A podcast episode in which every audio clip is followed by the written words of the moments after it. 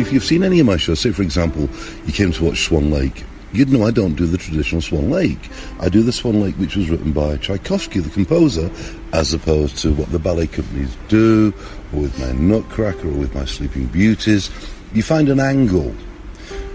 And what you're trying to do is, I'm trying to move away with Cinderella from the fairy tale, Disney version, or the ballet version, and, and you're creating something which is a Cinderella story.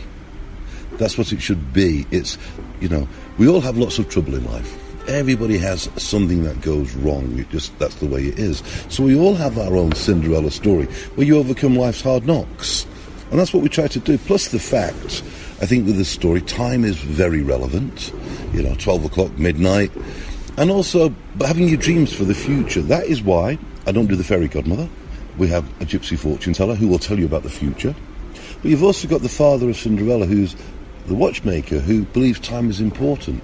You know, that's why we have those two themes running through the show. And as I said, it's a Cinderella story which the adults then don't have to, they can watch the show and appreciate everything that's taking place.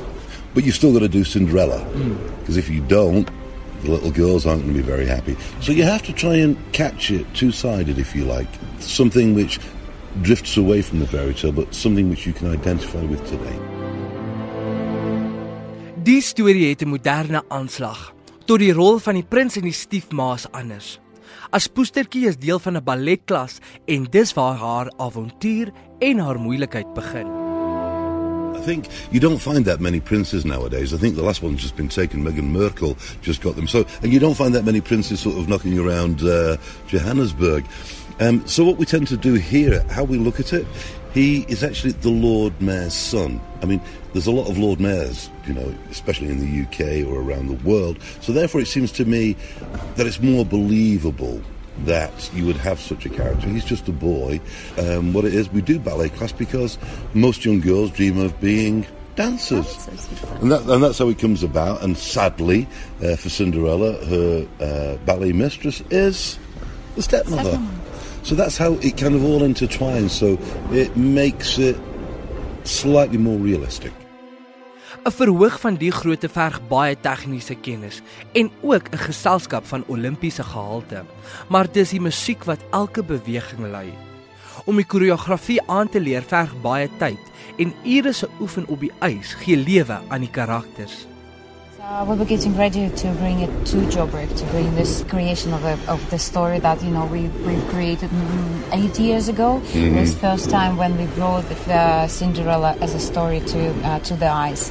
Um, but now you know just having that base that we've done many years ago and left it be, left it rest. Now we wanted to bring it uh, with a new life and with a new new emotions.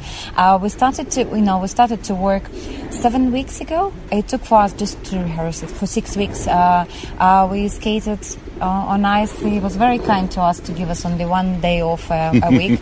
um, we had six six days a week for for six, for six weeks.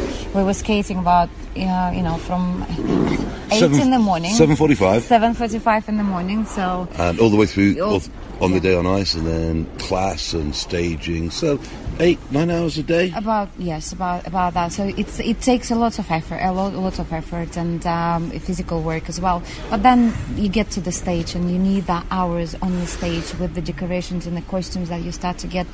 Um, you know, comfortable with, and uh, uh, bringing the character so it doesn't the, the, the costume doesn't cover the character or doesn't cover the movements that you do, this magical moves of figure skating, but also bring the character together.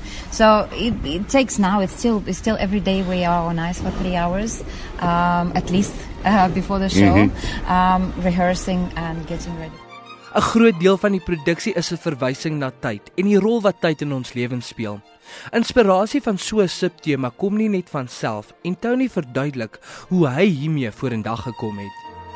So everything comes from my brain, or it comes from an idea. Um, I can't skate. Well, I can skate, but you know it's on my backside. And but you sit there, and, and the idea comes first. The music, the idea, how it's going to look, how it's going to be. Um, and I'm lucky because I work with Olga, and say for example, you just watch one of the adagios, and everything comes from. I'm an old romantic. And I like romance. And, you know, it's another thing which is very big inside of this Cinderella that it had to be a romantic story. Um, and I'll sit there and I'll sit on the edge of the ice rink as we're rehearsing in Moscow, where we're based, and you bring the ideas to life. But the thing is, what you have to do, I'm not I'm not egotistical, even though I go me, me, me, um, because I have to rely upon the boys and girls, and they all have ideas to add. You know, somebody might join the company for the first time and bring something new to us. You, you know, you can never be close to fresh input or new ideas. Om 'n produksie te skep is om aspekte by die produksie te voeg wat mense nie sou verwag nie. So studie karakter van Aspoestertjie verdwyn. So 'n gebeurtenis is nie sonder sy eie storie of les nie. Um, what happens is, you know, I create. That's what I do, and I draw on things from my life to come up with an idea. And specifically in this version, we all know that 12 o'clock is really important. But I wanted to expand that idea. And my father, uh, bless his soul, used to collect watches. Used to, he loved collecting timepieces, and he loved all of that. And then you, you, you connect to that.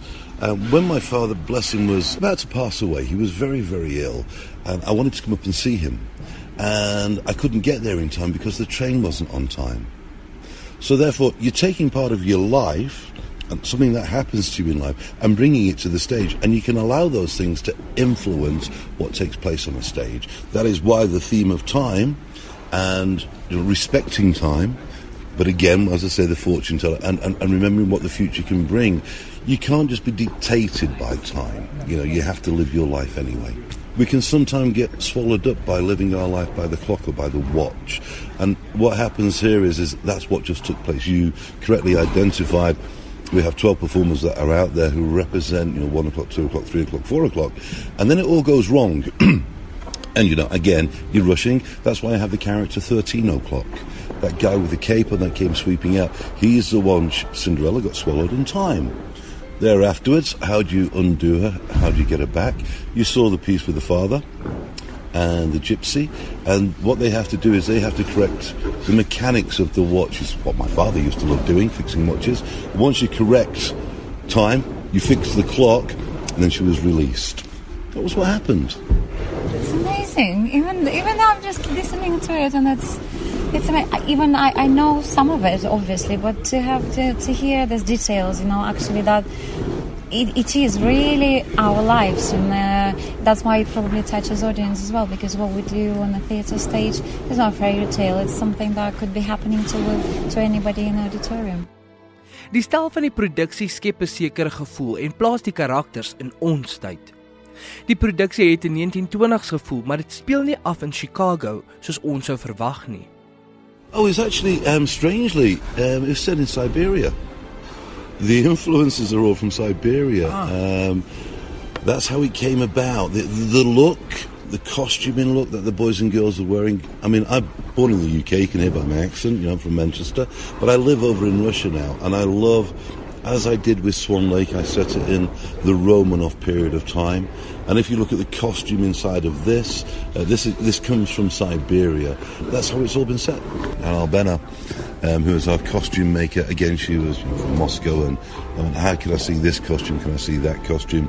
Can I have this influence in it? And Eamon Darcy was my uh, set designer. I made him look at pictures of streets in Siberia. And I think we actually chose uh, Krasnoyarsk, I think it was. Some of the uh, some of the street uh, ideas came from Krasnoyarsk, but then on top of that, and, and I guess it's where you've got uh, the Chicago thing was uh, slate roofs weren't that prevalent in Russia at that time, so that's probably where we got that bit from. Die een deel van die produksie waar al die dames op een been skaats is veral ongewoon.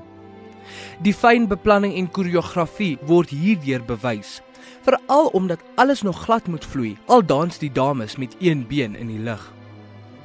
no, of course not. We didn't get used to that at all. And uh, even you know, when the first time we were trying it, I mean, yes, of course I can skate on one on one foot. That's the that means you know you're a professional skater. You don't put two legs together, you know, and just just wander around. You you have to use the, to that, but to take it off, actually, and not being able to use second leg, I, it was challenging, but it was so interesting, and I think we were uh, we were having great fun because obviously the everybody's trying um, uh, to do that because all the girls wants to be that that part of that that our Lord Mayor's son is looking for. So that that other half, and everybody everybody is going to the stage on, a, on, a, on one one foot, and it's it's incredible. It's just incredible to try what you're actually able to do just on one leg. As a figure skater, it was very challenging, but very interesting and fun to do.